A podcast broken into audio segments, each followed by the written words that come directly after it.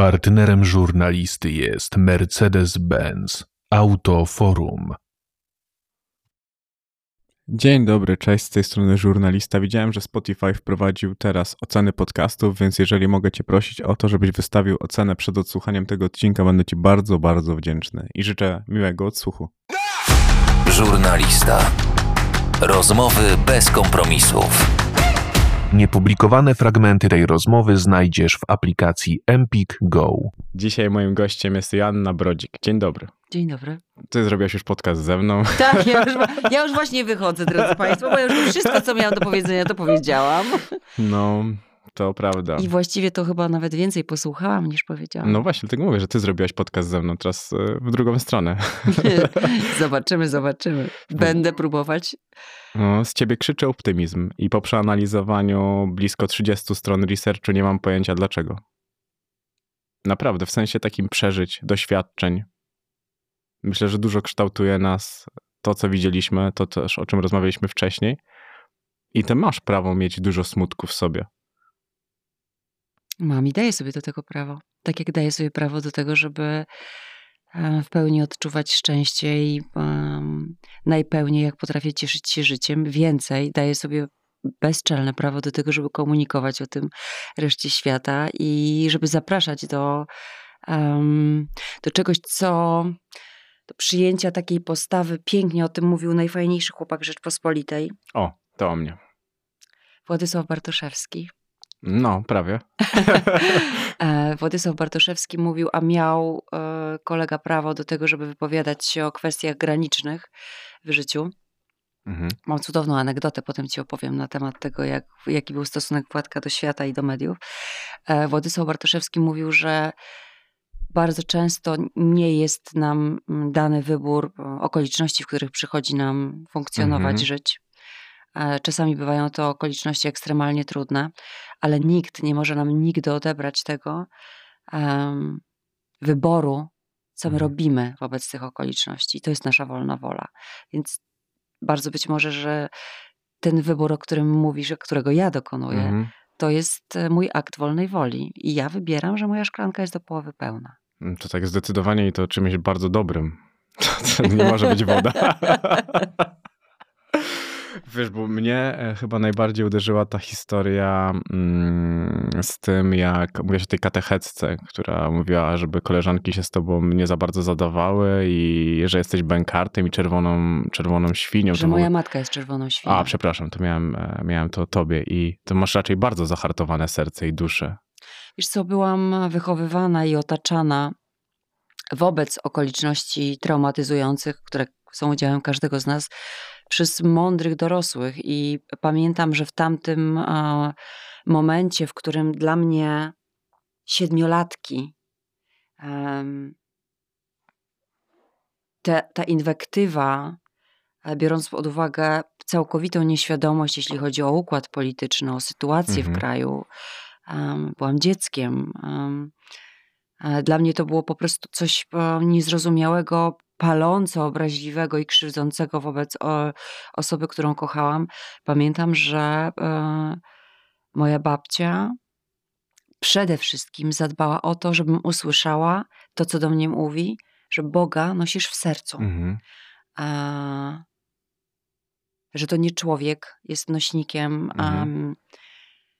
boskości, tylko że ja go mogę odczuwać niezależnie od tego, co przedstawicielka czy przedstawiciel instytucji e, dającej sobie prawo do tego, żeby twierdzić, że to oni są przedstawicielem siły wyższej na planecie, e, mają do powiedzenia na mój temat czy na temat mhm. mojej rodziny. To było bardzo mądre, bo to spowodowało, że um, ja pewnie dzięki temu mam nadal przekonanie o tym, że siła wyższa istnieje i że ona nie przynależy do żadnej instytucji. Mhm. E, I nikt w żadnym kolorze sukienki, e, ani z żadną falbaną, ani przewiązanym paskiem nie, nie może decydować o, o przywłaszczeniu sobie prawa do twierdzenia, że ma rację na temat naszej racji dusz. Mhm. To, to jest dla mnie bardzo ważne. W tamtym momencie prawdopodobnie nastąpił we mnie przełom ekumeniczny mhm. który pogłębił się podczas mojej wizyty samotnej w Izraelu. I ty masz wtedy 7 lat, tak? Jak w Izraelu byłam, to troszkę no to miałam więcej, więcej ale... ale tam ten pierwszy moment, tak, mhm. miałam 7 lat. Miałam 7 lat i to był ten moment, kiedy e, 7, może 8, bo to, to, to jest tak, że chyba za, po tym, jak zaczęłam chodzić do szkoły, e, zapragnęłam też zanurzenia się w tym, co było przestrzenią mhm. religii dla innych dzieci a, i zaczęłam chodzić na katechezę. No, i i zostałam z niej no, brutalnie wyrwana, tak? Kiedy bardzo chciałam dotknąć tego, czego one się uczyły. Myślę, że z niejaką szkodą dla instytucji. Fajnie taka mm, pani, która z tobą rozmawiała na Onecie, powiedziała, że niewiele się widać jak zmieniło w kościele w gruncie rzeczy w perspektywie tych 40 e, lat, że jednak kościół to kościół i 40 lat był dokładnie taki sam, jak można przypuszczać, że jest e, dzisiaj. Wiesz co, ja myślę, że jak w każdej instytucji bywają tam ludzie, którzy um mają bardzo piękne dusze i potrafią z korpo, w której przyszło im funkcjonować, wyciągać e, fajowe rzeczy i są mhm. tam po prostu niefajni ludzie. No. Tylko można było ciebie zrazić jako dziecko mm, i to tak nieodwracalnie. Wydarzyło się tak, że zbliżyłam się zdecydowanie do myśli ekumenicznej i przy niej zostałam. Ogólnie ta cała twoja więź z babcią jest imponująca. Z tego, co tam czytałem, to ta babcia przejawia się w takich bardzo istotnych momentach życia dla ciebie. Tak. I też nie ma w tym jakiegoś, wiesz, mistycyzmu, to znaczy jest mhm. ogromna ilość, ale to jest właśnie taki mistycyzm, który wynika z e, codzienności, czyli jakieś takie Tao Kubusia Puchatka, które jest mi bardzo bliskie. Mhm. Um, ona była osobą, która, ponieważ e, przyszłam na świat w momencie, w którym moi rodzice byli bardzo młodzi, mama jeszcze miała e, edukacyjny obowiązek a potem chęć edukacyjną, więc ona stała się tą kaczką, za którą ja, wiesz, y, zobaczoną po raz pierwszy jako y, brzydkie kaczątko dreptałam, mhm. tak? I mm, i przez y, jej obecność wynikającą z bycia na rencie, na którą przeszła, żeby się zajmować mną, a potem moim rodzeństwem, e, drepcząc gdzieś tam w tej codzienności, wydreptując za nią drogi, towarzyszyłam jej, obserwowałam ją i, y, i brałam wszystko to, co, co była gotowa mi podarować, a podarowała mi bardzo dużo. Mhm. Też e, mówiłaś jeszcze, jak jesteśmy przy tym dzieciństwie, że tak naprawdę za młodu nie miałam szansy pobyć kobietą, więc odbijam dzisiaj sobie z nawiązką. I jak jest, e, co jest najpiękniejszego byciu w kobietą dzisiaj, kiedy już jesteś w nią w każdym celu? Doświadczanie tego e, bardzo interesującego momentu, jakim jest e, na naszych oczach dziejąca się zmiana paradygmatu. Jestem bardzo szczęśliwa z tego powodu, że akurat w tym momencie historycznym e, przyszło mi doświadczać mojej dojrzałości jako kobiety, bo pewnie jako dwudziestolatka byłabym zajęta trochę innymi obszarami Wiem, gdzie byłam mając 20 lat, z jednej strony, a z drugiej strony mogę towarzyszyć moim młodszym koleżankom, moim siostrom w mhm. kobiecości, które są na innym etapie na, e, na osi czasu e, i mogę z wielką radością obserwować, jak świadome są, mhm. jak mądre są, jak są um, inaczej ukorzenione, jak uwrażliwione na temat um, praw, które mają. Um, mnie, dojrzałej kobiecie, z odium tego, gdzie byłam 20 i 30 lat temu, um, to jest bardzo fajnie y, obserwować i wspaniale mi jest w tym współuczestniczyć. Mhm akurat zapisywałem, co sądzisz o tych młodych kobietach, ale tak naprawdę wytrąciłaś mi wszystkie, wszystkie argumenty z rąk. Też nie wiem, czy widziałeś, że teraz ma powstać rejestr kobiet, które są w ciąży. Tak, mam nadzieję, że, te, mm, że wspólnymi siłami znajdziemy rozwiązanie dla tych e, przejawów jakichś e, ekstremistycznych. Mm, to, to, to jest e, ogólnie jeszcze odrębny temat na odrębną e, dyskusję. I pięknie określiłaś siebie konstruując zdanie że masz skłonność do tycia i równocześnie duży apetyt na życie. Ty to rozumiesz, co? Mm, zdecydowanie. E, skłonność do tycia, bo apetytu na życie to może jakiegoś wielkiego to, to nie mam. A miałeś taki, taki moment, że twoje ja życie... Mam wrażenie, że to odrobinę kokieterię, drodzy słuchacze i nie, słuchaczki. Nie, nie, nie. Mm. E, a miałeś taki moment, że twoje życie wydawało się zbyt słodkie? Pytasz o cukier? Jeżeli chodzi o cukier, to zdecydowanie tak. Ten moment, kiedy y, zasymulowałam chorobę, żeby dorwać się do barku i y, skonsumować. To były te czekolady. To były te czekolady z tych kosteczek. Każda była w innym smaku i przyleciały z... Y, przyjechały w paczce z jeszcze wtedy chyba RFN-u. O. NRF-u.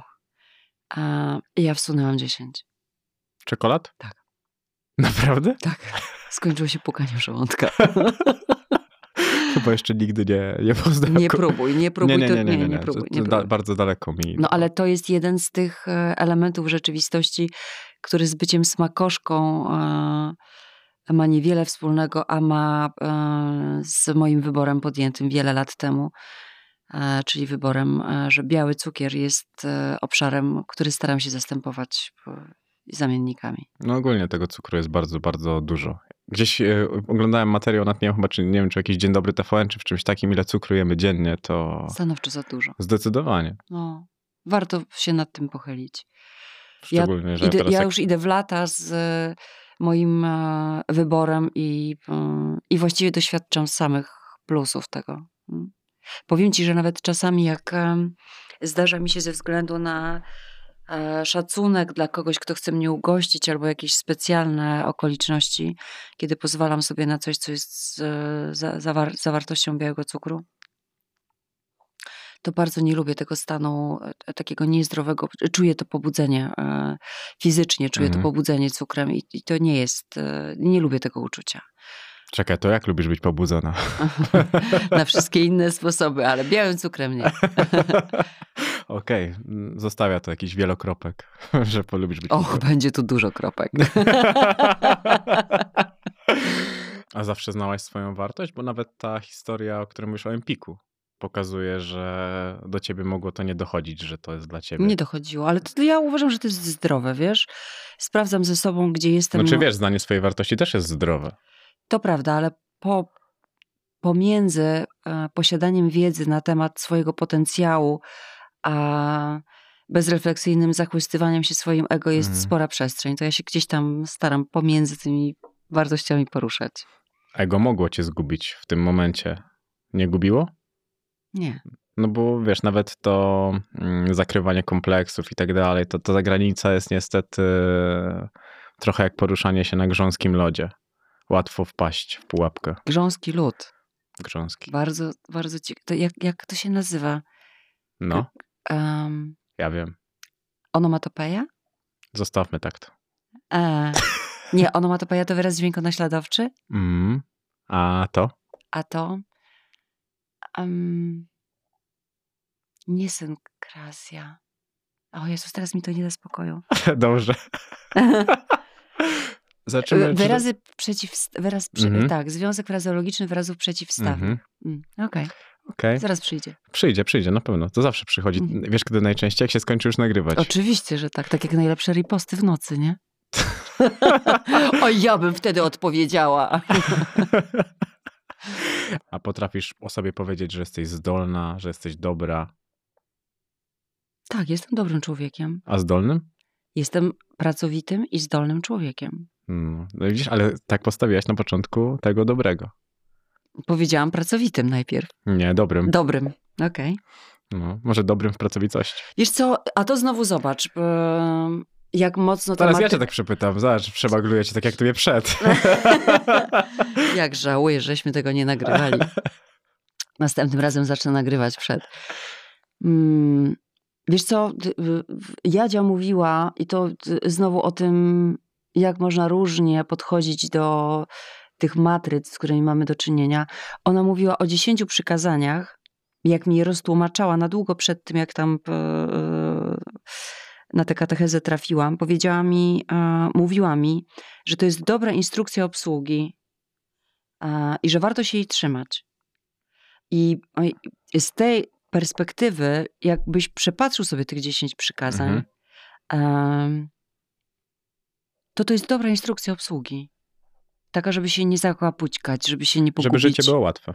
Um, tak, żeby, żeby nie tracić, ani, nie tracić e, azymutu albo nie wpadać w przestrzeń, o której jak ją odkryłam, to dla mnie było to, mm, jak to mówią moi synowie, dosyć epickie. Jak się dowiedziałam, jakie jest źródło słów słowa grzech. Mhm. Wiesz jaki? Nie mam pojęcia. Chybić celu. Krzyczano grzech, grzech po łacinie, kiedy łucznicy nie trafiali mhm. do celu. Nie wiedziałem. To jest grzech. Grzech to jest po prostu nie trafić w. Nie trafić, tak? Mhm. Dla nie, mnie to, to. Nie trafić do serca. Nie, nie trafić. Nie, nie trafić, popełnić błąd, tak? Mhm. I to tobie się często zdarzały takie grzechy? Tak. Jak każdemu. Pewnie. A potrafisz wybaczać? Tak. I od zawsze? Czy to była długa podróż? Wybaczanie nie wydaje się takie oczywiste. Kto może wiedzieć to lepiej niż ty? Zdecydowanie. A sobie miałaś coś do wybaczenia? Jasne. Przede wszystkim a, brak opieki e, należytej nad sobą. To jest też taki kawałek, o którym rozmawialiśmy przed naszą rozmową, prawda? Ale tam akurat ja odpowiadałem. Mm. Wreszcie w drugą stronę. O, Leje się. Zdaje się, że żurnaliści się lekko trzęsą ręce. To tak, chyba z obawy, żebym nie wróciła do tego wszystkiego, co było naszym udziałem przed rozmową. Ale to fajnie, że dałeś mi taki kolor um, i dałeś mi możliwość, żeby cię zobaczyć przed um, tak blisko. Wiesz, to jest ważne. Na przykład w relacjach z ludźmi i na przykład w wybaczaniu. Mhm. Um, Pamiętaj, że rozmawiamy o tobie. W procesie wybaczania to jest e, chyba niezbywalne, żeby zapraszając siebie do, do wybaczenia, móc spróbować przyjąć perspektywę tego, komu masz wybaczyć. Mhm. I z kim masz później żyć? Tak, albo nie, ale. Wiesz, ale, mówię o sobie dać, też. Tak. O, Bo przypominam proszę. ci, że. Mówisz o sobie. Nie, nie, mówię o sobie w perspektywie, że masz sobie wybaczyć, więc ze sobą masz żyć. sobie. Nie, ja nie, nie, mam tej potrzeby tutaj. Ale możesz. Ja ci daję przyzwolenie. W podcaście ze mną możesz mówić o sobie. A ja często mówię o sobie. Tutaj są często goście, że ja jestem ciekawszy od gości, więc wtedy akurat ty jesteś ciekawszy ode mnie. Masz dużo, dużo do zaoferowania. No myślę, że spotykamy się w przestrzeni bardzo partnerskiej w tym względzie. Bardzo. To prawda. Jak się przygotowywałem, to się uśmiechałem.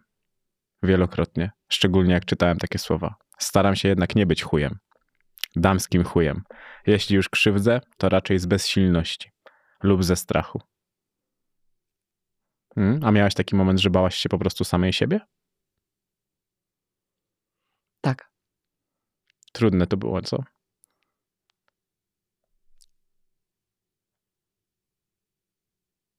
inaczej niż przechodząc przez ten ciemny las. Mhm. Nie ma możliwości dowiedzenia się bardzo ważnych rzeczy. Niestety. Stety. I niestety też. Taka jest podróż bohatera, bohaterki. Niezbywalnym elementem podróży bohatera, bohaterki jest przejście przez ciemny las, a właściwie jeśli chodzi o konstrukt scenariuszowy, dotarcie do momentu, w którym jest on najbliżej śmierci. Ty o tym wiesz. Zdecydowanie o tym wiem. Bo twój scenariusz właśnie tak został skonstruowany. Jeśli nie wiedziałeś, że to jest klasyka i możesz ją znaleźć wszędzie, od Lucasa e, do Disneya, to, e, to mój drogi, jesteś bardzo, bardzo klasyczny. Bardzo niestety. Ja, ja wiem o tym. Jakoś bardziej chciałem być undergroundowy w tym, w tym wszystkim, niszowy, niskobudżetowy. O, tak Słuchaj, to wszystko możliwe jest cały czas trzymając się klasycznego schematu jedno drugiemu w ogóle nie, nie przeczy. Ale... A ty też jesteś blisko tego, tego wszystkiego? Ja wiem, ale możesz powiedzieć. Ale co to znaczy tego wszystkiego? Tego, tego, tego bycia klasykiem w, takiej, w takim odniesieniu, jak ty to... Podróży? Mhm. Tak, pewnie. Mhm. A jest coś takiego, co poznałaś w sobie i cię zaskoczyło, że to masz?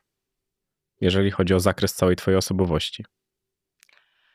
Pytasz o te narzędzia trenerskie? Narzędzia trenerskie, życie. Gdzie dowolnie to odniesiesz, to więc pewnie odniesiesz do narzędzi trenerskich. E, wiesz co, ja to intuicyjnie trochę o sobie wiedziałam, mhm. ale w szkole dowiedziałam się o tym w postaci feedbacku od moich e, e, koleżanek, kolegów, z którymi e, kurs kończyłam i taki feedback był jednym z elementów naszej edukacji, że mm, mam naturalną umiejętność łączenia ludzi. O. I mnie rzeczywiście fascynuje, żeby poznając kogoś albo to jest przewrotne słowo, obcując, czyli pozostając w bliskości z kimś, e, dostrzegać jego potencjał i w naturalny sposób e, rozkminiać. To trochę tak jak z tym, co mam w lodówce. W naturalny sposób rozkminiać, co ja mogę z tym e, zrobić i jak mogę spróbować poukładać z tym kimś rzeczywistość, żeby ten potencjał mógł się urzeczywistnić mhm. albo rozwinąć. A to tak można określić jako budowanie coś z niczego? No właśnie nie z niczego, bo no tam dobrze, zawsze dobrze, coś... No ale trzeba ale dostrzec. Dostrze... Wiesz co, e, nie pamiętam już kto. E, byłoby to dosyć śmieszne, gdyby się okazało, że to Alfred Hitchcock bardzo być może, bo nie był łatwym człowiekiem, ale e, ktoś powiedział, że największym talentem jest umiejętność dostrzegania go u innych. I to jest taki obszar, o którym sobie myślę, że jakby mnie jakiś interesujący interlokutor zapytał, um, jak sobie wyobrażam dalszą część mojej aktywności takiej około zawodowej, bo ja się mhm. też nie fiksuję, to, to bym odpowiedziała, że chyba najbardziej interesuje mnie rozwijanie potencjału um, poprzez siebie u innych. O, mhm. to, tego bym tak nie, nie, nie zdefiniował. A kto dostrzegł w tobie pierwszy talent? Miałaś taką osobę? Na pewno Jadzia. A ona dostrzegła we mnie przede wszystkim, a właściwie nauczyła mnie dostrzegać w sobie ten element wyjątkowości, tak? Ona mhm. mi powtarzała, ona mi powtarzała, że jestem wyjątkowa. Ona mi mówiła, że jestem wyjątkowa. Mówiła mi, e, że mogę wszystko. E, mówiła mi to, że mamy bardzo mało, albo bywają momenty, że nie mamy nic. To są tylko okoliczności. Mhm a ty możesz wszystko, tylko jak postanowisz sobie coś, to musisz to mocno sobie wyobrazić ze szczegółami, mhm. potem to zaplanować, a potem to realizować i nie przejmować się, że rzeczy nie będą szły po twojej myśli. Tak mnie zaprogramowała, jak się okazuje w tej chwili, e, według mojej wiedzy, bardzo silnie neurolingwistycznie e, na osiąganie celu. Mm, ale taką osobą następną na pewno był Jurek Bogajewicz. Mhm reżyser z wieloletnim doświadczeniem pracy warsztatowej z aktorami w Stanach. Osoba, która w bardzo pozamykanej mnie po szkole e, teatralnej, brunetce, z przekonaniem, że niewiele potrafi, e, mm, wzbudził mm, ten ogień entuzjazmu do bezkarnej pracy i niefrasobliwego cieszenia się tym, że mogę być też blondynką albo kimkolwiek zechce, jeśli zechce. To chyba największa wolność. A dlaczego myślałeś, że nie masz talentu? A, bo tak twierdzono, że jestem za ładna, żeby mieć talent. To też fajne w perspektywie tego, co przeczytałem o tobie, że jesteś za ładna. Kiedy tam mówiłaś o tym, że ważyłaś 80 kilo. Tak. I tak dalej, i tak dalej, no, że byłaś to, to, to, to, wiesz, to, to, to mm, mm, fajnie, że też mogę rozmawiać z tobą, który masz E, takie graniczne doświadczenia, nie? Doświadczania siebie z jednej strony. No wiesz, bo ty tak jakbyś dotykała każdego fragmentu i, i tej skrajności trochę. Bo dotykałam, tak? Mhm. I to się wydarzyło w bardzo krótkim czasie dla mnie. I, i te, to uczucie. Bardzo fajnie, że możemy sobie rozmawiać w ten sposób. Ja lubię wulgaryzmy. To uczucie zrobienie siebie sam, znaczy tego, jak świat zrobił mnie w chuja, mhm. że to ja już się odchudziłam katorżniczą pracą i wyrzeczeniami wskoczyłam w ten schemat, ten kanon tego 36 z tymi sarnimi oczami,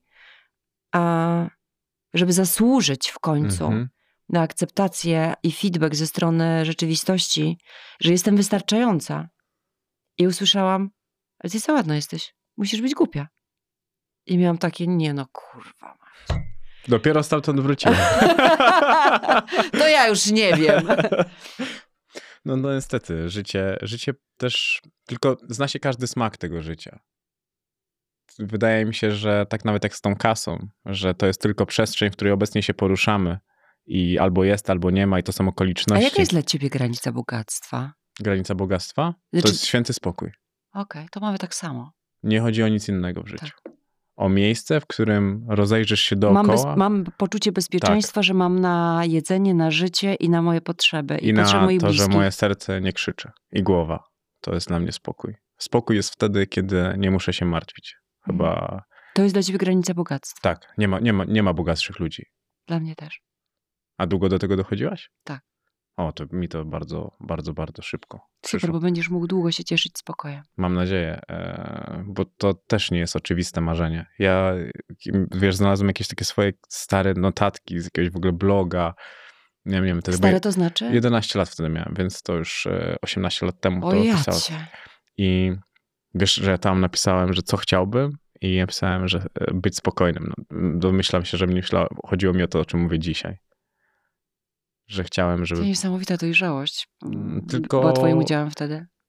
Tak, tylko wydaje mi się, że to wiesz, jest skonstruowane mm, tym, że kiedy dorastasz w takim miejscu, to nie chcesz się martwić o to, czy masz coś zjeść, czy masz, wiesz, ciuchy ogarnięte do szkoły, rzeczy, no bo to nie są, to nie były oczywiste rzeczy dla mnie. Tak. I wtedy to, to bogactwo kojarzyło mi się ze spokojem mm, w każdym calu to, to wydawało mi się, że pieniądze są spokojem. A wydaje mi się, że spokojem jest to, mm, kiedy odnajdziemy swoje predyspozycje w mm. przestrzeni, która pozwala nam być sobą i mm. cieszyć się tym, jacy jesteśmy, i na tym jeszcze możemy zarabiać e, jakąś tam kasę, która daje nam dookoła ten bezpieczny grunt. Mm. Jeśli robisz to, co kochasz, nie musisz chodzić do pracy. No, to trochę naciągane. Tro, mm, wiesz co, jak sobie czasami patrzę, jak sobie wyglądam przez oczy na rzeczywistość i widzę ludzi, którzy są w pracy za karę i to wychodzi każdym porem mhm. skóry z nich, nie? Że nie chcą być w tym miejscu i że odliczają... No, ale to też jest ich wybór. Nie masz takiego wrażenia? Pomyśl sobie, udało ci się. Znaczy nienawidzę tego sformułowania, ale zrobiłaś coś z niczego. Mogę tak powiedzieć najprawdopodobniej. Mm -mm miałam bardzo wiele elementów, które widzę z perspektywy, które były elementami sprzyjających mi mhm. okoliczności. Okej, okay, no to ja uważam, że jeżeli mi się teoretycznie udało, to każdemu może. Tylko wiesz, bywają takie, mm, ty to wiesz i ja to wiem, bywają takie stany, kiedy nie, nawet gdyby wróżka stanęła na twojej drodze i machała taką wielką, taką grubą, rozumiesz, czarodziejską różdżką, której byś nie sposób e, e, przeoczyć, to nie zobaczyłbyś jej. Tak? Ludzie nie widzą znaków. Nie widzą dla siebie sprzyjających okoliczności. Hmm, I dlatego pracują tam, gdzie nie chcieli nigdy pracować? No. Bo chodzi im tylko o przeżycie. Nie, bo nie dają sobie prawa do tego, żeby zobaczyć, że mogą coś więcej. Hmm, zastanawiające to jest dla mnie. Ja patrzę raczej. To jest jestem... łatwo nazwać lenistwem. Mhm. Jest ja ła... jestem. A byłaś dla siebie surowa? Mm, jestem. No właśnie. To dlaczego nie jesteś surowa dla innych? Bo kiedy byłabyś surowa dla nich, stwierdziłabyś, że oni nie chcieli tego dostrzec. Hmm. Dobra, to jak to się teraz nazywa? Zagoni, zagonił ją w kozi róg? Z tymi, mm, jak to nakreśliłeś? Jakie masz oczy? Jak sarenka? Jak sarna? Sarna. Tak. Jest, także tam, dokładnie, z tymi, z tymi oczami. No, więc wiesz, to a bycie surowym pomagało ci w życiu? Pytasz o samodyscyplinę? Mhm. Tak. I potrafiłaś się chwalić za coś dobrego? O, no to już jest osobna kwestia. No nie, no spokojnie, no przechodzimy. Wiadomo, Tutaj no to jest kolejnego kwestia. rogu. No, to, to, nie od razu Rzym zbudowano. Nie? Um, no nie. Um. My to rozmawiamy jak ty, wiesz, dwóch weteranów. Jeden bez nogi, drugi bez ręki. no ja parę dni temu miałam dosyć poważne kłopoty z kręgosłupem, ale ty to jeszcze masz dużo, dużo drogi przed sobą. Mhm.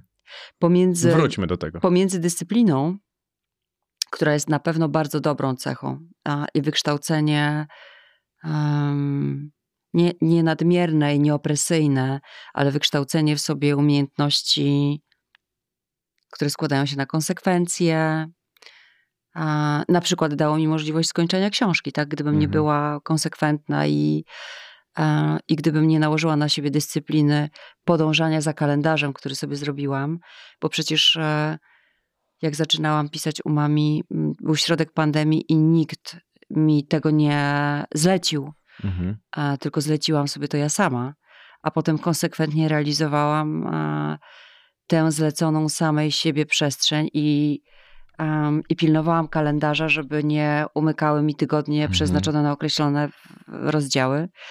E, gdyby nie ta konsekwencja, to tej pracy nie dokończyłabym. Mhm. Więc myślę sobie, że konsekwencja, samo dyscyplina jest bardzo ważna w realizacji jakichś długofalowych e, planów, marzeń, postanowień. Mhm.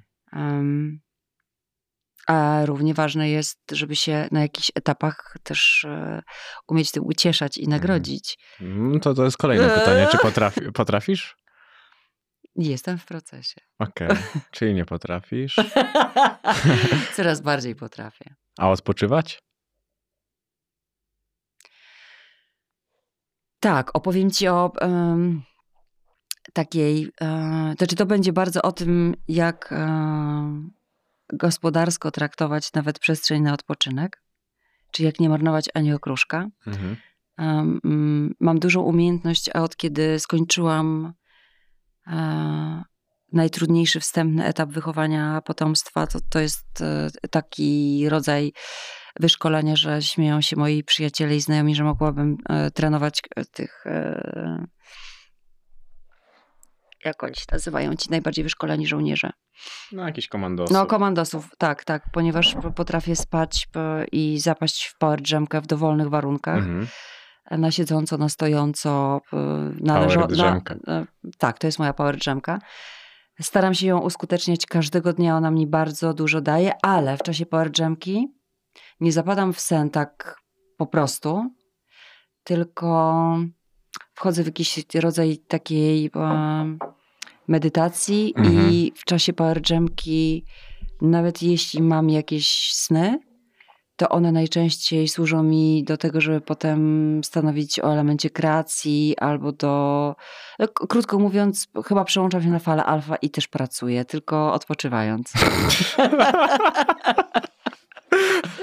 bardzo kreatywnie, e, mhm. bardzo kreatywnie przeznaczam ten czas e, odpoczynku na to, żeby na przykład wymyślić jakąś e, celną ripostę albo tytuł, albo żeby do mnie przypłynęło coś, co jest jakimś potrzebnym mi do kwestii zawodowych tematem. Mhm. Można powiedzieć, że to taki, wiesz, dzisiaj intelektualny jogging, bo rozciągasz się między tymi słowami tak, żeby tam wybrnąć, żeby jednak za, za dużo nie zostawić.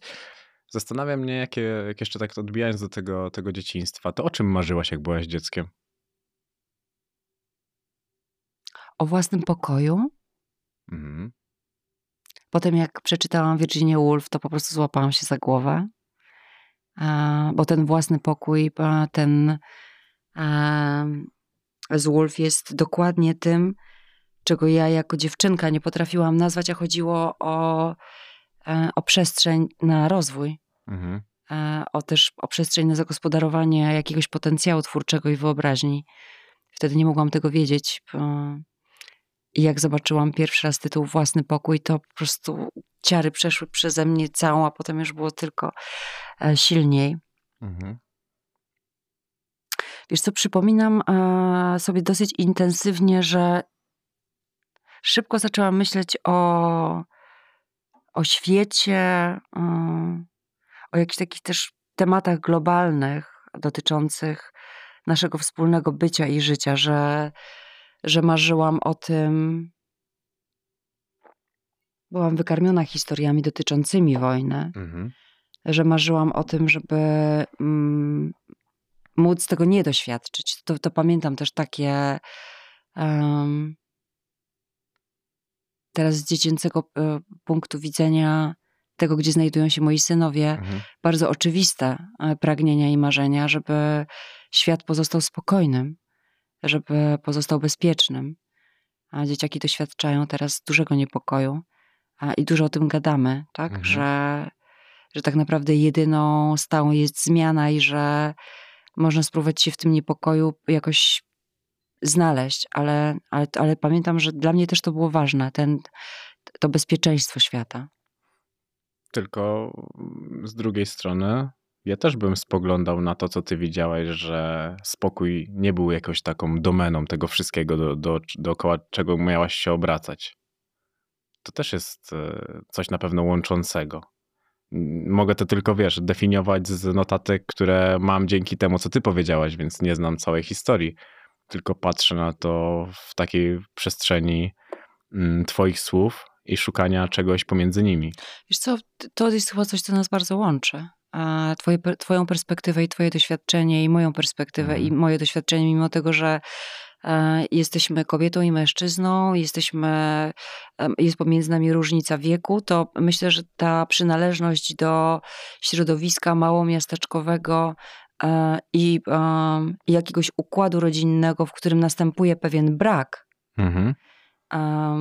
Że to jest coś, co pozwala nam tę perspektywę połączyć. I, mhm. I patrzysz szerzej po prostu.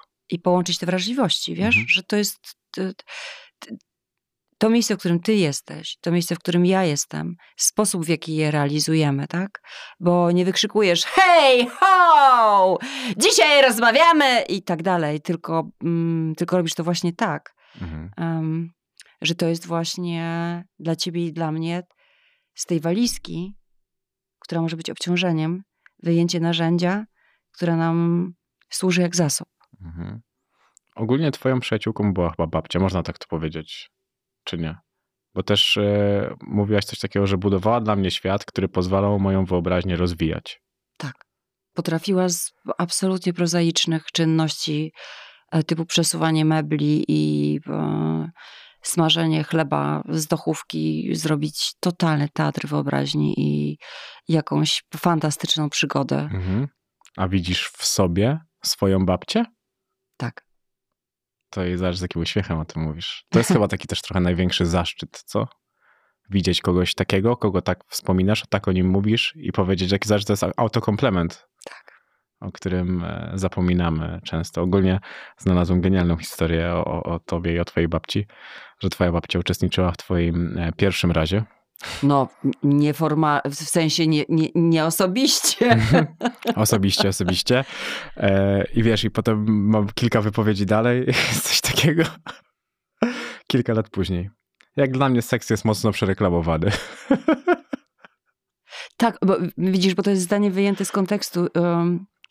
Ja mam dużą i z biegiem lat i też z, um, z momentem, kiedy mogę swoją dojrzałością e, się w pełni cieszyć, ja mam dużą niezgodę na takie uprzedmiotawianie tej cudownej przestrzeni i obszaru międzyludzkiego, jakim jest bliskość, sensualność, erotyka, sprowadzanie jej tylko do seksu. Sam mhm. seks według mnie jest mocno przereklamowany, a właściwie e, rozpompowany trochę jak e, e, ego tych e, osób, które nakładają na siebie mm, nieprzeliczone ilości marek, wydając się sobie samym e, atrakcyjniejszymi to, to trochę mam tak, że e, ten obszar bliskości i sensualności zepchnięty gdzieś e, na margines naszej świadomości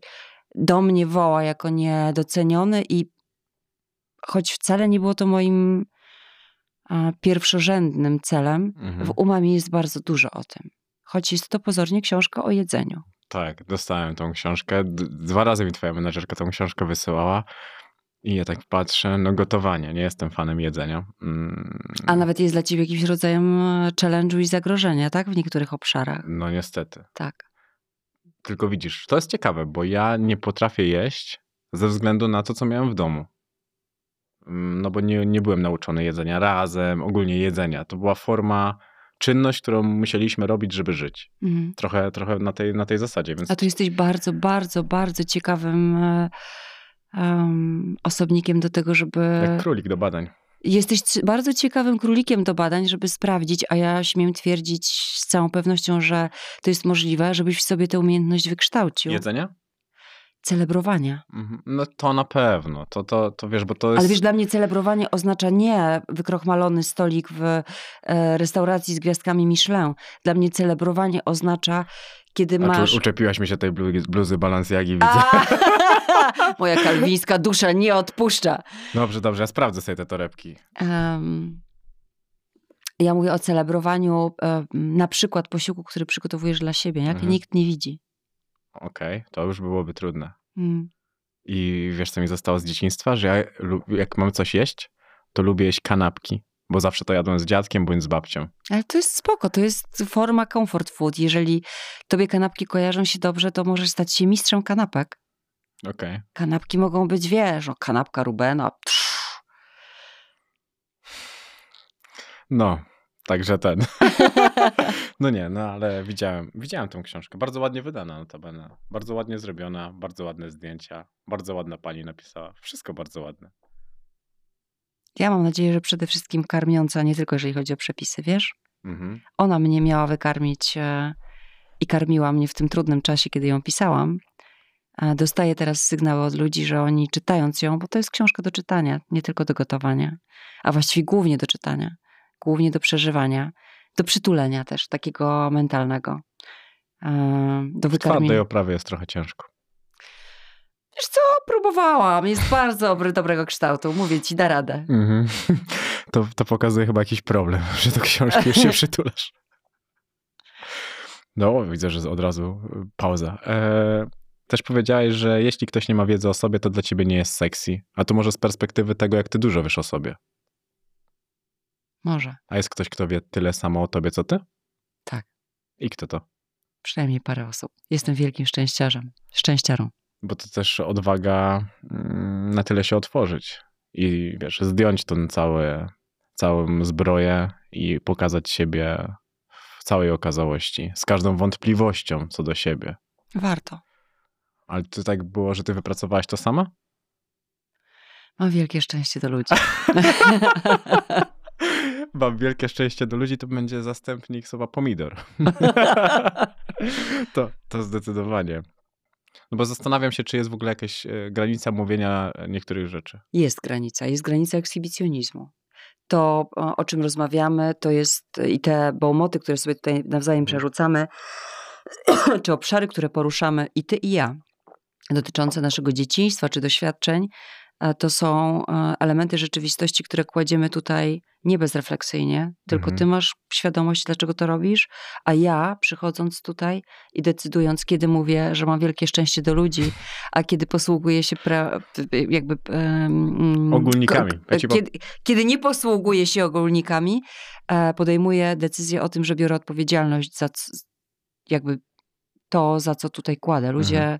mam wrażenie, w szczególnie w przestrzeni e, sieci, um, dają sobie prawo do tego, żeby bezrefleksyjnie um, obrzucać innych e, swoją intymnością. Jest mi to absolutnie obce.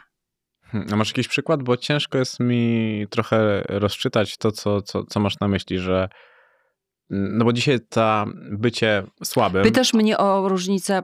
No, pytasz tak. mnie, gdzie ja widzę różnicę pomiędzy odpowiedzialnym dzieleniem się swoimi doświadczeniami a ekshibicjonizmem? Mhm.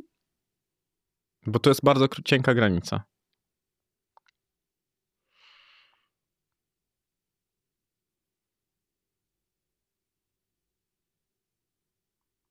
Jeśli na potrzeby e, książki, którą e, napisałam, e, i którą podpisuje swoim imieniem i nazwiskiem, przywołuje jakieś wspomnienie z dzieciństwa, które jest trudne mhm. a, i y, roztłumaczam je w sobie wiadomy i przemyślany sposób, to jest dla mnie ta przestrzeń, w której ja chcę funkcjonować. To jest mój subiektywny mhm. pogląd też. A, a jeśli ktoś e, pozwala wchodzić osobom trzecim do swojej intymności, nie pozostawiając zamkniętych drzwi i dając innym możliwość tego, żeby w nią wnikać, żeby ją komentować, e, żeby z nią jakoś wchodzić w interakcję z tą intymnością, mhm. nie pozostawiając sobie przestrzeni na, na tę autorefleksję, to dla mnie to jest, czy to jest wystarczająco jasne? Mhm. To dla mnie to jest przekroczenie tej granicy, tak? Jeśli pozwalasz, żeby inni przejęli kontrolę nad twoją e, sferą prywatną. Mhm. To, to, to, dla mnie to oznacza ten ekshibicjonizm, tak? Czyli takie otwarcie bez, e, bez zaznaczenia swojej mhm. granicy, gdzie nie masz, A nie masz w tym wszystkim takiego wrażenia, że ludzie zrozumieli, jak działała telewizja od x lat, że zawsze sprzedawała się historia i dzisiaj budując swoje kariery sprzedają historię? Przez to, że wiedzą, że ona może być bardziej interesująca niż to, co mogą obecnie robić? I to dla mnie już tak zahacza o to, że sprzedajemy coś, bo wiemy, że to może być interesujące. No wiesz co, i tutaj chyba przebiega granica pomiędzy zawodowstwem, czyli oddzielaniem życia prywatnego od e, aktywności zawodowej, albo umiejętnym, bo tego i Szekspir nie uniknął, przeplataniem tych elementów, które wkładasz i transponujesz na mhm. swoją twórczość, e, a kupczeniem e, swoim życiem. Tak? Ja, mhm. ja widzę te różnice bardzo jej pilnuję. Rozumiesz, o czym mówię? Zdecydowanie. No, dla mnie um, przylepianie metek do własnego potomstwa e, jest czymś innym niż kreowanie przestrzeni rodziny mhm. E, w sposób bezpieczny za pomocą kolegów aktorów, koleżanek aktorek e, i przedstawienia jakiejś wizji rzeczywistości, wciąż korzystając ze swoich własnych doświadczeń, ale nie sprzedając ich jeden do jeden. Mhm. Ja stosuję takie powiedzenie, że tutaj chodzi stosunek życia prywatnego do talentu. Czyli czym mniej talentu, tym więcej życia prywatnego, a czym więcej talentu, tym mniej życia prywatnego. A na czym budujesz ten pogląd? Mm, na, na, na obserwacji. Na rozumiem. obserwacji, tak, tak. Że czym mhm. człowiek zdolniejszy, tym lepiej posługuje się swoim talentem, przez to ma życie zawodowe, które nie, potrzebo, nie potrzebuje jego jakiegoś takiego, wiesz, wyrzucania siebie na Instagramie i na różnych mediach społecznościowych mhm. i może tam być e, tylko po prostu wizytówką sobą, mhm. promu promującym film, promującym coś, ale w gruncie rzeczy nie zobaczysz tam jego dzieci, żony, mm, albo zobaczysz jakoś tak incydentalnie po prostu, że, mhm. bo chce coś pokazać, mhm. a nie dlatego, że on chce coś sprzedać. Okay. Nie, nie masz żota. To jest w ogóle takie ciekawe w perspektywie tego, że jak ja dorastałem, to kiedy były reklamy, to potrafiłem zasnąć, a dzisiaj otacza nas świat reklam. Przeglądając Instagram, co drugi wpis, co trzeci wpis jest reklamą. I to, o czym rozmawialiśmy przed samym nagraniem, że otaczają nas plastikowe kariery ludzi bez wyrazu i bez talentu. Mm. Mm, to jak tutaj był u mnie Mateusz Damięcki i mówił o Marcinie e, Dubielu, z którym on był u Kuby Wojewódzkiego, no to on sam mówił, że czuł się dziwnie. A kim jest ten... E, YouTuber. No okay. i zaraz właśnie mówię, bił do tego, że Marcin siedząc obok niego, Kuba się go pyta, z czego on tak naprawdę zasłynął. A on mówi, że z tego, że zakładał kondoma na głowę na YouTubie. Mm, I weź teraz, e, wsadź to sobie na wagę swoich poglądów, mhm. twoje życie Twoja droga mhm. i to. Dlatego ja powiedziałem Tobie, że moim zdaniem są plastikowe kariery i wzbudzenie zainteresowania to jest najmniej, ile możemy zrobić, bo gdybym teraz poszedł i rozebrał się przed dowolną fontanną i zaczął do niej sikać, też Ty bym... uważaj, ja mam nazwisko Brodzik. No właśnie. Mm, to za... wzbudziłbym zainteresowanie. Nawet pani Brodzik. E... Więc to jest chyba najmniej, ile możemy zrobić. Dla siebie i dla innych. Nie masz takiego wrażenia, że czym dłużej jesteśmy wolni, tym mniej zapominamy, że to nie było nam dane na zawsze, jak widać? Tak, warto to sobie przypominać, dlatego to sobie przygotujemy dzisiaj. Tak, żeby wszyscy mogli sobie przypomnieć, że są jeszcze wolni mm. i mogą słuchać czego chcą i jak chcą. Tak, i mogą wyłączyć reklamę. Mogą. Tylko ta reklama dociera dzisiaj wszędzie. Spo... Mnie, no, znaczy nie chcę mówić, że to mnie przytłacza, bo mam to w gruncie rzeczy w dupie. A mnie tak. A, to ja mam to w dupie. Tylko ja czasami... Nawet głosowo. Nie wiem, czy ty zwróciłeś uwagę na to, jak bardzo mocno są podkręcane... E, tak, to, e, o, to mnie irytuje, no, masz rację. To, to, mnie irytuje to, to strasznie. mnie to po prostu uderza w uszy, tak? Niestety. I, i coś, to jest takie zastanawiające, bo myślę, że takich odbiorców jak my jest więcej i masz coś takiego, ja pierdolę. No, no, no jest tak, nie? No, że myślisz sobie, że po co? Mm. Tylko to mia, masz zwrócić na to uwagę i chyba gdyby to było w tym samym tonie, no to nawet byśmy na to nie, nie spojrzeli. Te reklamy wydają mi się coraz słabsze. Mniej jakieś takie wartościowe. Ja bardzo lubię reklamy Volvo. Nie wiem, czy ty widziałaś kiedyś reklamy Volvo o bezpieczeństwie. Mm. Są genialne. Może. Polecam bardzo, bardzo mocno.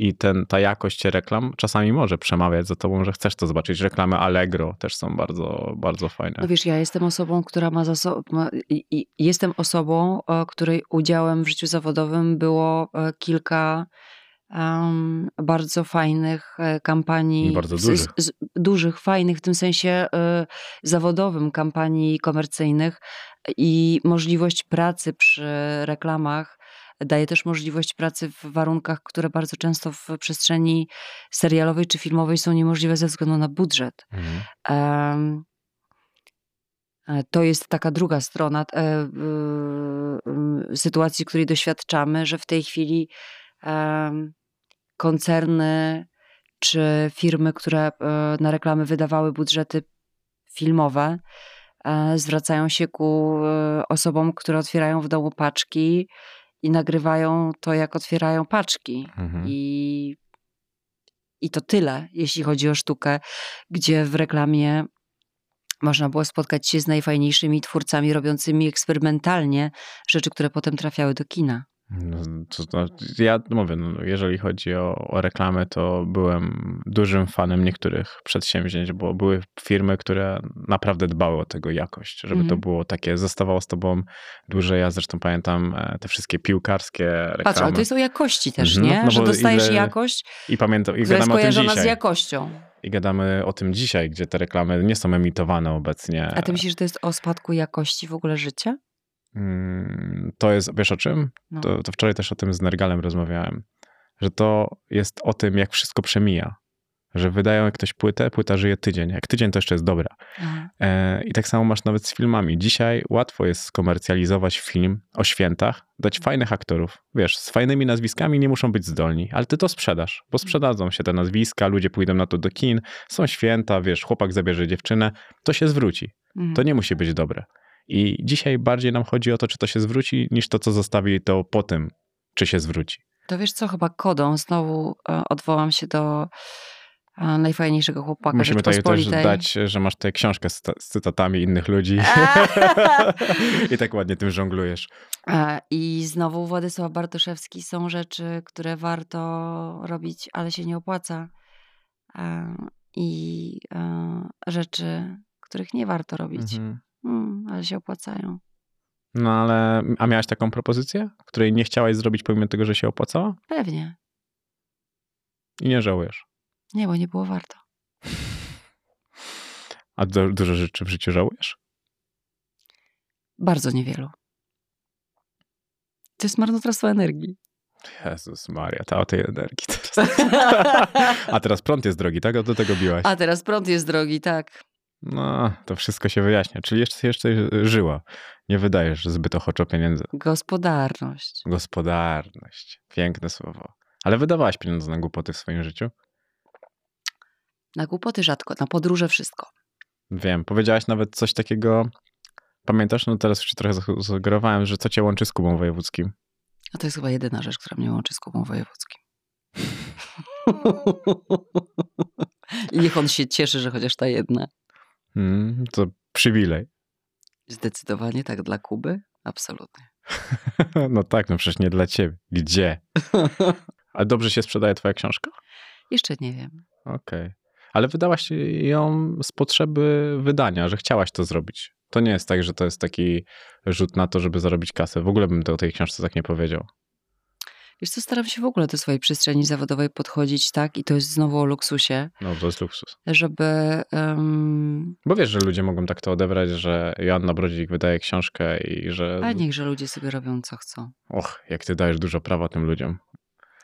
Ja wiem, po co ją napisałam i wiem, czym ona dla mnie jest i mam nadzieję, czym stać się może dla kogoś, kto ją przeczyta. Jeśli ktoś będzie miał ochotę, wiesz, na jakiś inny ogląd tej sytuacji, no to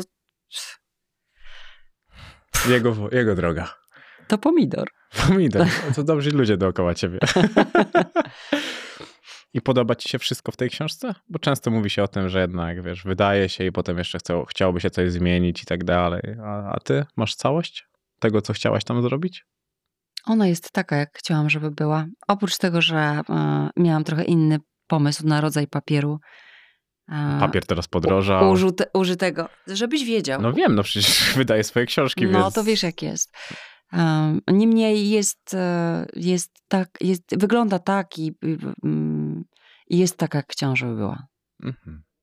A e, jak przychodziłaś tutaj, to jeden to wiedziałaś w ogóle, gdzie idziesz? To też mnie zawsze zastanawia, bo Nergal wczoraj kompletnie nie wiedział, e, gdzie przychodzi. Tak, wiedziałam, gdzie idę. Znaczy wiedziałam do kogo. Okay. Gdzie? Nie. no nie, jak widać komunikacja też między Ale nami. fajne studio. Bardzo, nie? Tak. Mi się też tu podoba. Mamy piwko, w... też nie piję, więc... Rozumiem. A ty lubisz alkohol? Mm, piwa nie lubię. Lubisz alkohol? Piwa nie lubię. Daje to jednak dużej przestrzeni do tego, żeby interpretować, że możesz lubić coś innego. I, i, wtedy, i, wtedy, I wtedy mówisz, niech ludzie mówią, co myślą. Pięknie ci dziękuję. Świetnie było cię poznać. Ciebie też. Pomidor.